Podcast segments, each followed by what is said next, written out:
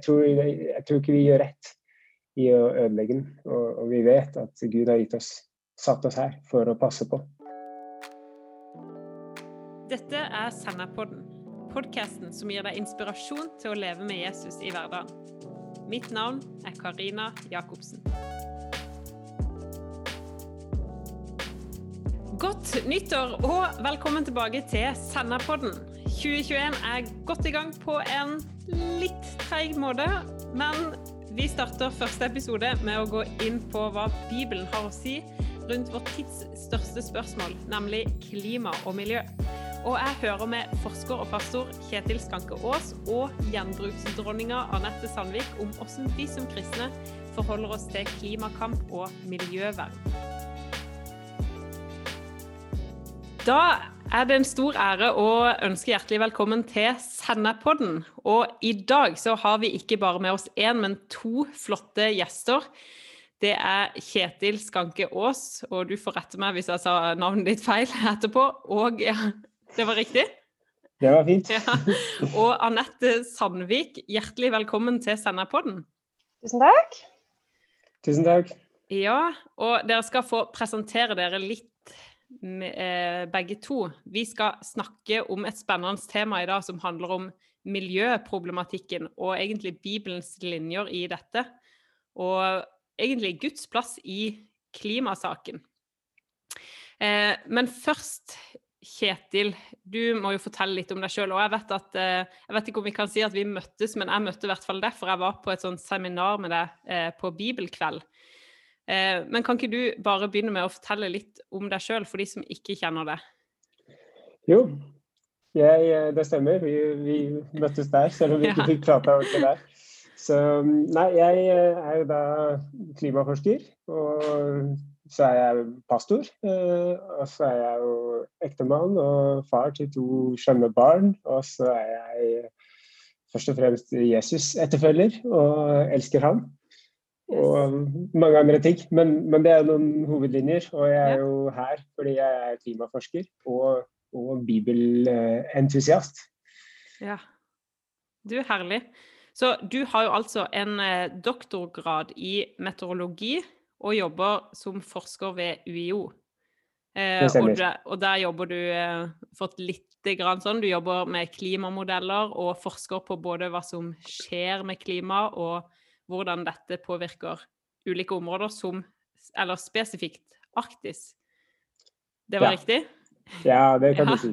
Det er, det er klimamodeller som er disse store datamodellene vi bruker for ja. å spesielt kunne si noe om hva som skjer med klimaet i framtida, men også mer sånn hvordan endrer klimaet seg der og der, og hvilke konsekvenser får det.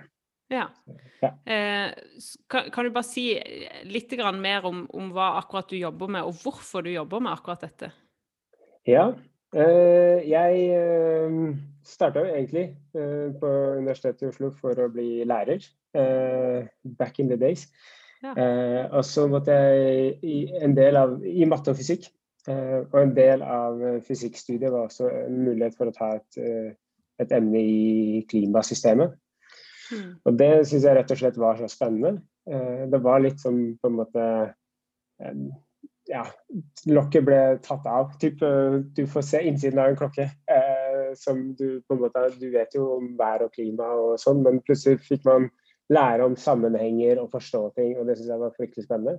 Mm. Og så er vi jo midt oppi en tid hvor klimaet endrer seg dramatisk. Eh, og det er viktig viktig tema for samfunnet, og mm. viktig å engasjere seg. Ja. Du, så spennende. Vi skal jo få eh, gå mer i dybden på alle de tingene som du snakker om. Men du har jo en spennende kombinasjon. Du nevnte jo at du er eh, pastor, eller er med og leder en, ja. eh, en menighet i Oslo som heter DNA. Og kan du si litt om eh, DNA og det arbeidet du står i der? Yes. Det er, eh, DNA er et nettverk av husmenigheter. Så jeg og en som heter Rune Solheim, som står i spissen for det i Oslo nå. Det ble starta av Knut og Elisabeth Osland i 2007. De kom flyttende til Oslo. Og så har det vokst, og vi er en gruppe husmenigheter i Oslo og andre steder i Norge. Og nå etter hvert utover i Europa med veldig spennende ting som skjer, bl.a. i Polen, hvor det har blitt ja, flere hundre drept de siste, siste åra og lagt til wow. lokale små fellesskap. Så, så, på en måte hele tanken er jo at vi tror på levende Jesusfellesskap som som lever ut Jesuslivet i hverdagen. Og, så, mm. og disippelgjøring må skje på livets arenaer i hverdagen. Og. Så bra. Det er kort sagt. Ja. ja. og jeg har jo fått følge litt eh, DNA og alt som skjer der, og det er utrolig spennende å høre rapporter fra det arbeidet dere står i. Så det er gøy å følge. Så det er vel bare å gå inn på sosiale medier og få følge litt av det dere driver med. Ja. WeLife.com blant annet ja. er et sted hvor det går an å følge ja. det som skjer. Men du, for en kombinasjon du har. Eh, forsker og eh, menighetsleder. Hvordan klarer du den kombinasjonen i hverdagen? Ja, ja det, det, er eh, både veldig spennende og noen ganger utfordrende. Men, men måten vi tenker menighet på, er jo at eh, menighet leves ut midt i det livet man er i. Ja. Um, og vi tenker ikke én pastor som, som, gjør alt, men vi tenker at vi er et, eh, en menighetsfamilie eh, ja. hvor alle må til å bidra, og hvor den disippelgjøringa som mm. Jesus har kalt oss til, den kan like gjerne skje eh, når vi holder på å lage middag. Eh, og det er fullt kaos med barna, og det er noen venner fra menigheten over som vi kan få lov til å formidle Bibelens verdier til, og få lov til å ja, disippelgjøre i praksis midt ja. i det vi står i. Så bra. Du, spennende. Vi må over på Anette Sandvik. Og du er jo eh, ikke noe meteorolog, etter som jeg kjenner det, men kanskje oversnittet glad i å kjøpe klær på brukthandel. Kan ikke du ta oss og si litt om deg sjøl, for de som ikke kjenner det? Jo, eh, ja. Eh, som sagt, ikke meteorolog. Eh, jeg er barnevernspedagog. Jobber på en institusjon i Oslo. Og ja, jeg er 29 eh, år, bor i Oslo, trives supergodt her og går i kristent fellesskap. Yes. Men har dessverre ingen doktorgrader å skilte med. Men det er helt fint. Ja, det er fint. Det, det er jo en grunn til at vi har deg med. Men Anette, er du også interessert i klimamodeller og Arktis? Um, Kjetil snakka om å se inn i en klokke. Jeg har vel kanskje ikke sett inn i den klokka helt ennå. Men jeg tviler vel på at jeg hadde funnet det like interessant som Kjetil. Eh, men så har vi jo forskjellige egenskaper og forskjellige gaver. Min gave er nok kanskje ikke å sette meg inn i klimamodeller, men handle på bruktbutikk. Der er jeg god. Du, det er veldig spennende. Og vi skal komme mer inn på dette med brukthandel seinere ja. i episoden, Anette. Men uh, først så skal vi høre litt fra Kjetil. Fordi du holdt jo altså en um, bibelkveld i Ungdom i oppdrag våren 2020 om mm. dette med hva Bibelen har å si om miljøspørsmålet. Og det kan godt være at du har hatt mange foredrag om det etter det også. Uh, men vi er i hvert fall veldig glad for å ha det her i Sennepodden, for at du kan fortelle litt om hva som du har på hjertet. Og dette her mm. med temaet miljøvern og klima. Eh, og det er jo kanskje ikke nødvendigvis eh, kristne fra frikirkene og bedehusene man først tenker på i forhold til dette temaet. Eh, men hvorfor har dette spørsmålet ikke vært noe som nødvendigvis de kristne har vært veldig opptatt av? Har du noen tanker om det? Ja, um, jeg syns jo det er synd. Um, og det er jo litt sånn at du finner kristne som, som absolutt ikke er opptatt av miljøspørsmål, f.eks. Og mange andre store, viktige spørsmål i samfunnet. Uh, men, men, som på en måte kanskje kan tenke litt snevert om at det handler om å forkynne evangeliet, og eh, at folk eh, får en personlig relasjon til Jesus. Og på en måte alt utenfor direkte det eh, faller utenfor synsvinkelen. Og så har du kanskje en del kristne eh, som glemmer viktigheten av å formidle evangeliet, at folk må bli frelst. Eh, og som blir bare opptatt av å gjøre godt eh, og, og, ta seg av miljøet og på en måte de sosiale utfordringene vi står oppi. Mm. Mens jeg tenker at evangeliet om Guds rike, som jo Jesus snakker om, det må, det må alt, innbefatte alt det. Um, ja. Altså, Jesus han kom jo til jorda og identifiserte seg med mennesker og jorda. og altså, Hva har dette her med å, si i forhold til miljøvern? Ja, um, nei, jeg tenker jo at først og fremst min motivasjon er jo at Gud har gitt oss ansvar for å ta vare på den jorda her. Um, han satte oss til å dyrke og passe den. Um, så, så, så, det tenker jeg på en måte at han, skaperverket er ment å uttrykke hvor mm. stor og rik og fantastisk Gud vi har. Eh, og hvordan han har skapt en vakker verden som bugner av overflod og liv. Det er uttrykkene av Gud. Um, og jeg tror, jeg tror, ikke vi gjør rett i å ødelegge den. Og, og, vi mm. vet at Gud har gitt oss, satt oss her for å passe på. Mm. Så det er um, ja, ja. Kanskje jeg snakker meg litt bort fra spørsmålet. Men, Nei, men, eh, det er bra. Også, vi har jo på en måte Én ting er jo dette med, med miljøvern og det at vi, vi, trenger å gjøre noen tiltak for at jorda skal være et godt sted å bo på. Ikke bare akkurat nå, men over, over, um, over lang tid. Og så har vi også dette med klimaendringer, og det går jo ut over mange steder av jorda. Um, mm. Men hvem er det som uh, blir ramma mest av klimaendringer? Ja, ja, det er jo det andre poenget i hvorfor mm. engasjere seg i det her. At um, det rammer jo de svakeste. Um, sånn at uh, klimaendringene er her allerede. Vi har allerede fått én grad varmere klima i snitt enn hva det var for, før industriell tid. Mm. Um, og for oss i Norge så, så, lider vi ikke så veldig av én grad mer. Det, blir, det, regner mer, vi kan få noen ekstra flommer og, og, ras og sånne type ting som vi må sikre oss mot. Men vi har pengene og infrastrukturen til det. Men veldig, veldig mange millioner mennesker lever mye mer sårbare for vær og klima.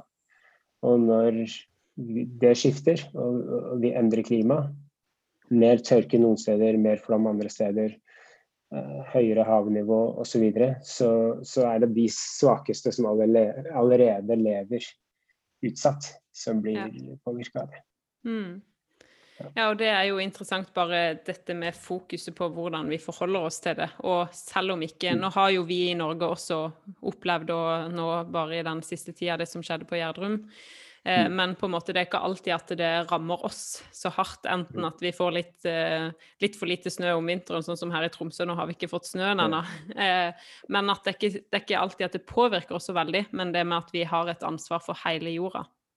Mm. Eh, kan ikke du si litt mer om eh, dette Altså, hva har Bibelen å si konkret rundt dette med miljøspørsmål og klima?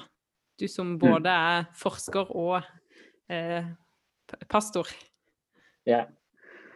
Nei, jeg, som jeg sa i stad, jeg tenker jo at Bibelen er veldig tydelig på at vi har et ansvar for å passe på her. Ja.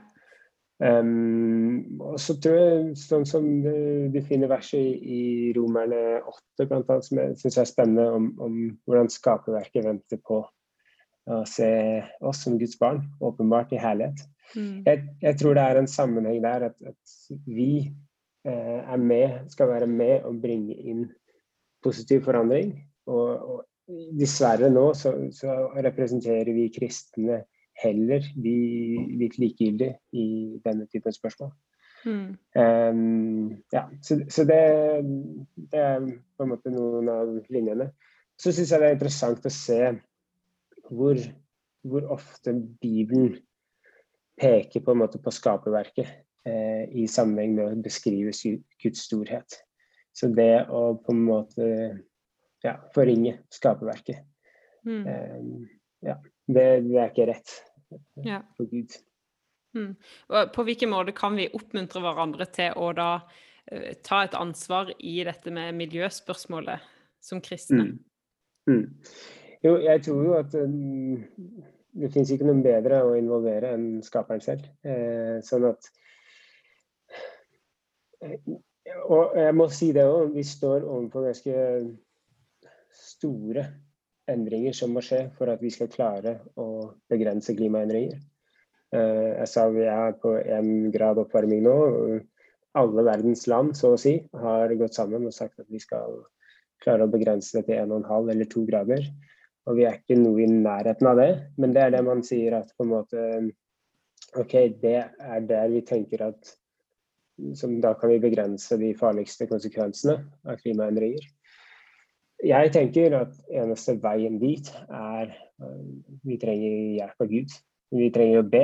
Jeg, jeg ser på andre krøniker bort 714, hvor det står det her om å ydmyke seg og be, og så skal Gud lege landet. Jeg tror at uh, Gud har nøklene for hvordan vi kan lykkes i å ta vare på den jorda her. Men, men det, det, det, trengs et folk som er på kne for Gud og ber. Mm. Og så trengs det jo, i at vi ydmyker oss, så tenker jeg at vi også må gjøre det vi kan, og finne de veiene som vi kan være med og på en måte begrense våre egne negative påvirkning. Ja. Det er jo en fantastisk balansegang, da. Ja. Jeg liker at du er så på at uh, gjøre hva du kan, men også stole på Gud. Ja. Som, er, uh, som er en sånn balansegang man må ligge imellom. Men så, så er det lett yes. å havne i en i grøft eller andre grøfta. Ja. Men det er et fantastisk fokus å ha. Ja, og du ser jo på en måte hele denne her eh, litt det vi kan kalle klimakampen, holdt jeg på å si. Mange av disse som står skikkelig opp for eh, nå skal vi redde verden, og kanskje de som vi kan kalle litt sånn klimaaktivister, og det er streik, og det er mange ting som pågår. Og mm. um, de har jo et, et, virkelig mål om at OK, vi, vi, er nødt til å gjøre tiltak fordi at de ser at vi er faktisk på vei, som du mm. beskriver da, at vi, okay, vi er på vei et farlig sted. Og at eh, folk trenger å stå opp. Eh, så det er jo mye, veldig mye prognoser og alt dette som forteller at OK, vi går i feil retning. Eh, mm. Og folk kan kanskje bruke feil eh, måter for å få folk til å lytte på, som kanskje ikke er etisk rett heller. Men, eh, men hvilken plass er det til Gud og Bibelen i spørsmålet? Altså, hva, hva, kan vi som kristne Altså, du sier om vi kan mm. be, altså, hva, men enda mer mm. konkret, hva kan vi som kristne gjøre for å tilføre samfunnet noe godt i dette spørsmålet?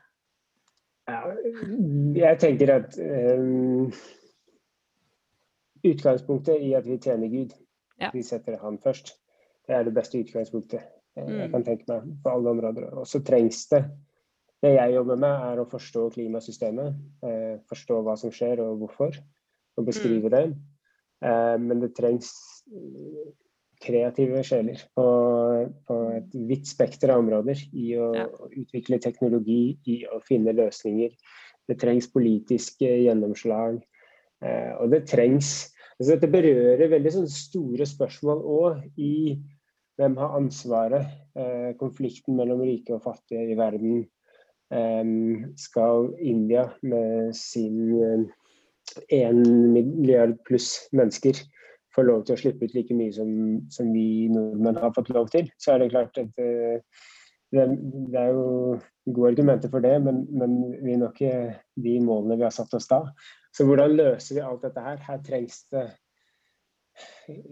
gode kristne, gode åndsfylte mennesker som kan, som kan, bringe inn Guds rikes verdier. Ja. Alle områder. Ja, veldig bra. Og du har jo, altså som forsker og meteorolog, så følger jo du med på dette tingene som du beskriver òg, da. På et litt annet ståsted enn eh, kanskje oss som sitter og bare ser eh, nyhetene og, og, det som rører seg. Men eh, det kan være at du har noen, en tanke om altså hva du tror den største, de, eller de største misforståelsene eller feiloppfatningene som folk flest sitter med når det kommer til klima, for oss som bare ser nyhetsoppslagene rundt disse tingene. Ja. ja, jeg tror Hvis vi skal snakke om misoppfatninger, så er det jeg tenker vel at Den største faren er de to grøftene man kan gå i. Den ene er at man tenker at dette er så usikkert at her vet vi ingenting. og, og Dette trenger vi ikke å tenke på i det hele tatt. Eh, det er en del som fortsatt er der. Eh, og Det er en helt tydelig misoppfatning. Eh, men den andre grøfta er jo å tenke at på en måte dette er alt overskyggende, og på en måte det fins én ting å være opptatt av, og det er eh, klima. Ja. Og det tenker jo ikke jeg heller. Jeg tenker at vi må kunne se et større bilde. Vi vet nok til at dette må vi ta på alvor. Eh, men dette er en av mange utfordringer. Eh, ja. Mm. Yes. Så ta det ansvaret vi har fått på alvor. Det, ja. det tror jeg er viktig. Yes. Men du, over til Anette. Hva er ditt syn på klimaspørsmålet? Ja. Eh, ja, det er et godt spørsmål. Jeg representerer vel kanskje litt eh, si, Ola Nordmann i, eh, i denne podkasten her. Jeg kan faktisk ganske lite om klimaspørsmålet på den måten, med alle disse faktorene, og med grader og med is og alt det her. Jeg, men jeg har jo plukket opp noen småting på veien. Og så tenker jeg at jeg kan i hvert fall gjøre at eh, mitt avtrykk blir minst mulig. Og jeg kan begrense på en måte avtrykket mitt i hverdagen. Eh, at jeg kan gjøre min del, da. Så godt det lar seg gjøre. Eh, jeg er jo ingen Greta Thunberg. Og jeg må innrømme at jeg har flydd noen ganger over uh, større avstander. Uh, og det er ikke sikkert jeg kommer til å slutte med fly sånn. Nå er det korona, så uh, det er jo litt annerledes. Men ja.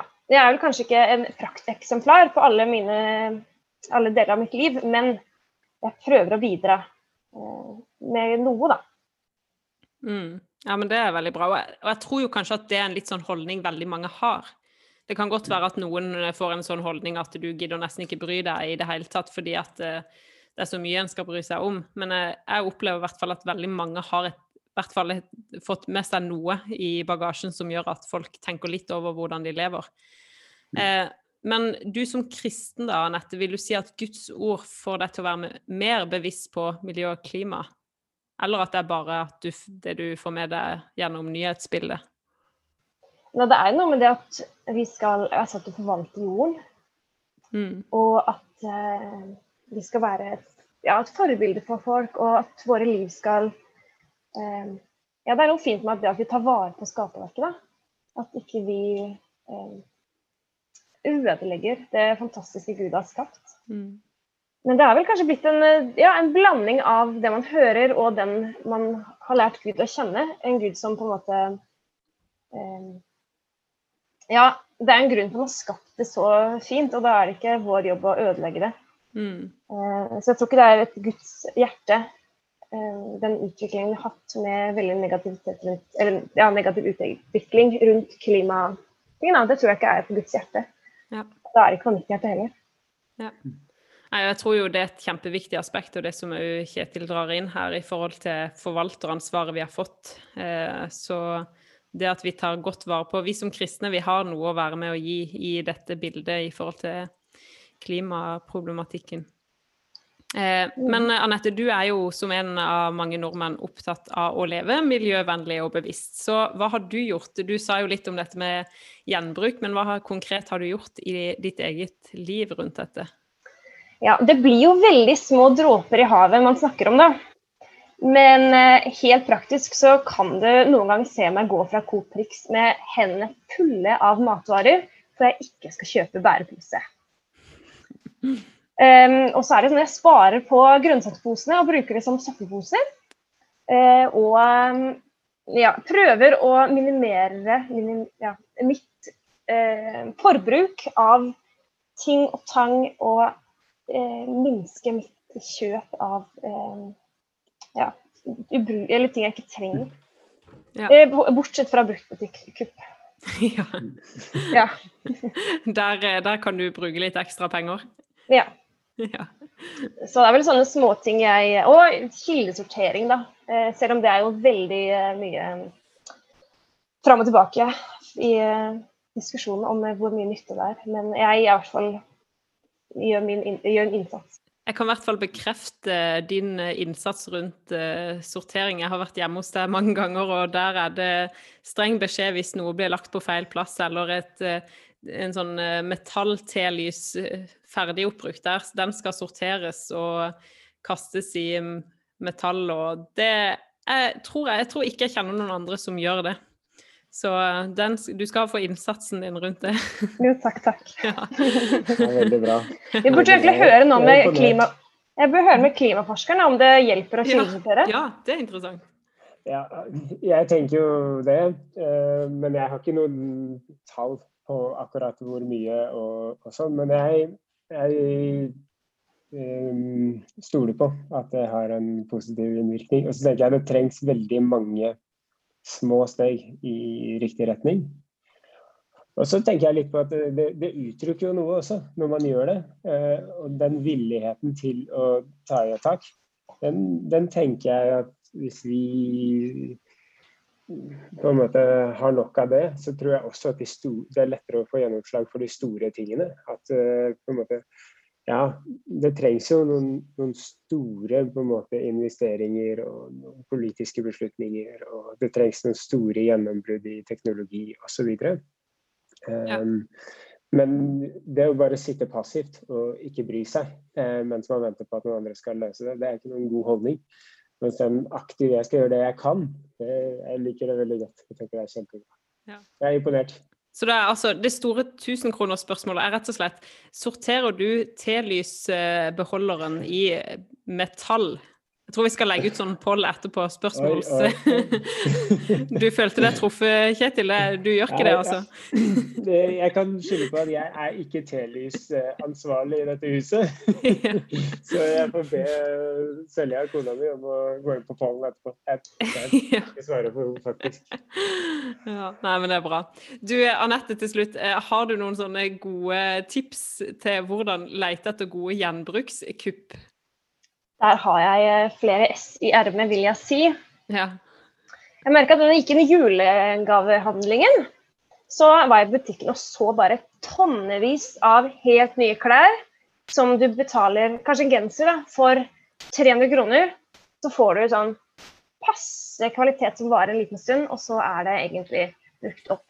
Så jeg prøvde å bruke, eller kjøpe en del klær brukt som julegaver.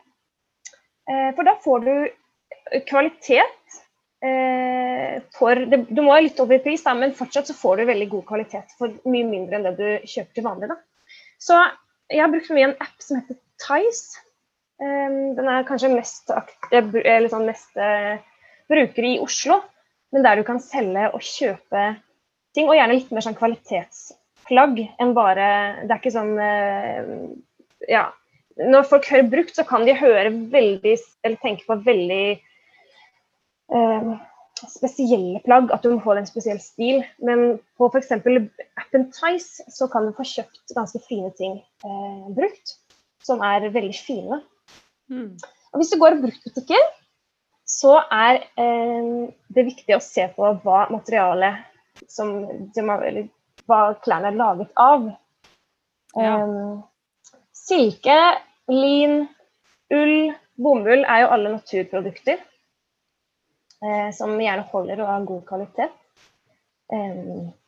Viskose er veldig godt materiale, holder lenge og er ikke så dårlig for miljøet. Mm. Og se hva det er laga av. Og ja, ha litt, få litt øvelse og se hva man ja, finner skattene i mengder av rare, merkelige klær du aldri ville brukt. Og så finner du sånne kule ting innimellom. Du, så bra. Da har vi eh, dagens miljøtips fra Anette Sandvik. Det er nydelig.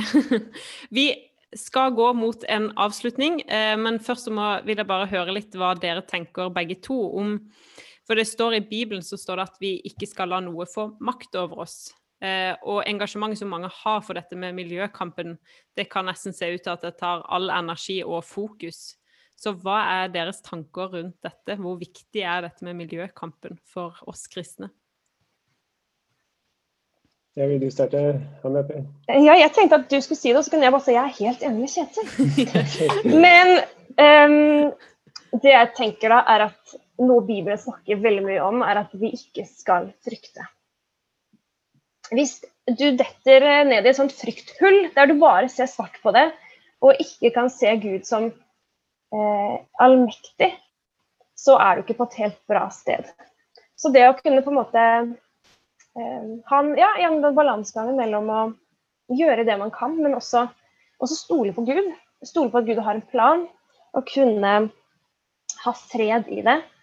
Eh, og da hjelper det gjerne med en nær relasjon med Gud, for det er der man finner freden, og det er der fryktene kan slippe taket. For det er ikke bare å si nå skal ikke være redd lenger. Men uh, ja. være leve tett på Gud er uh, suksessfaktor nummer én generelt. Ja. Det er bra.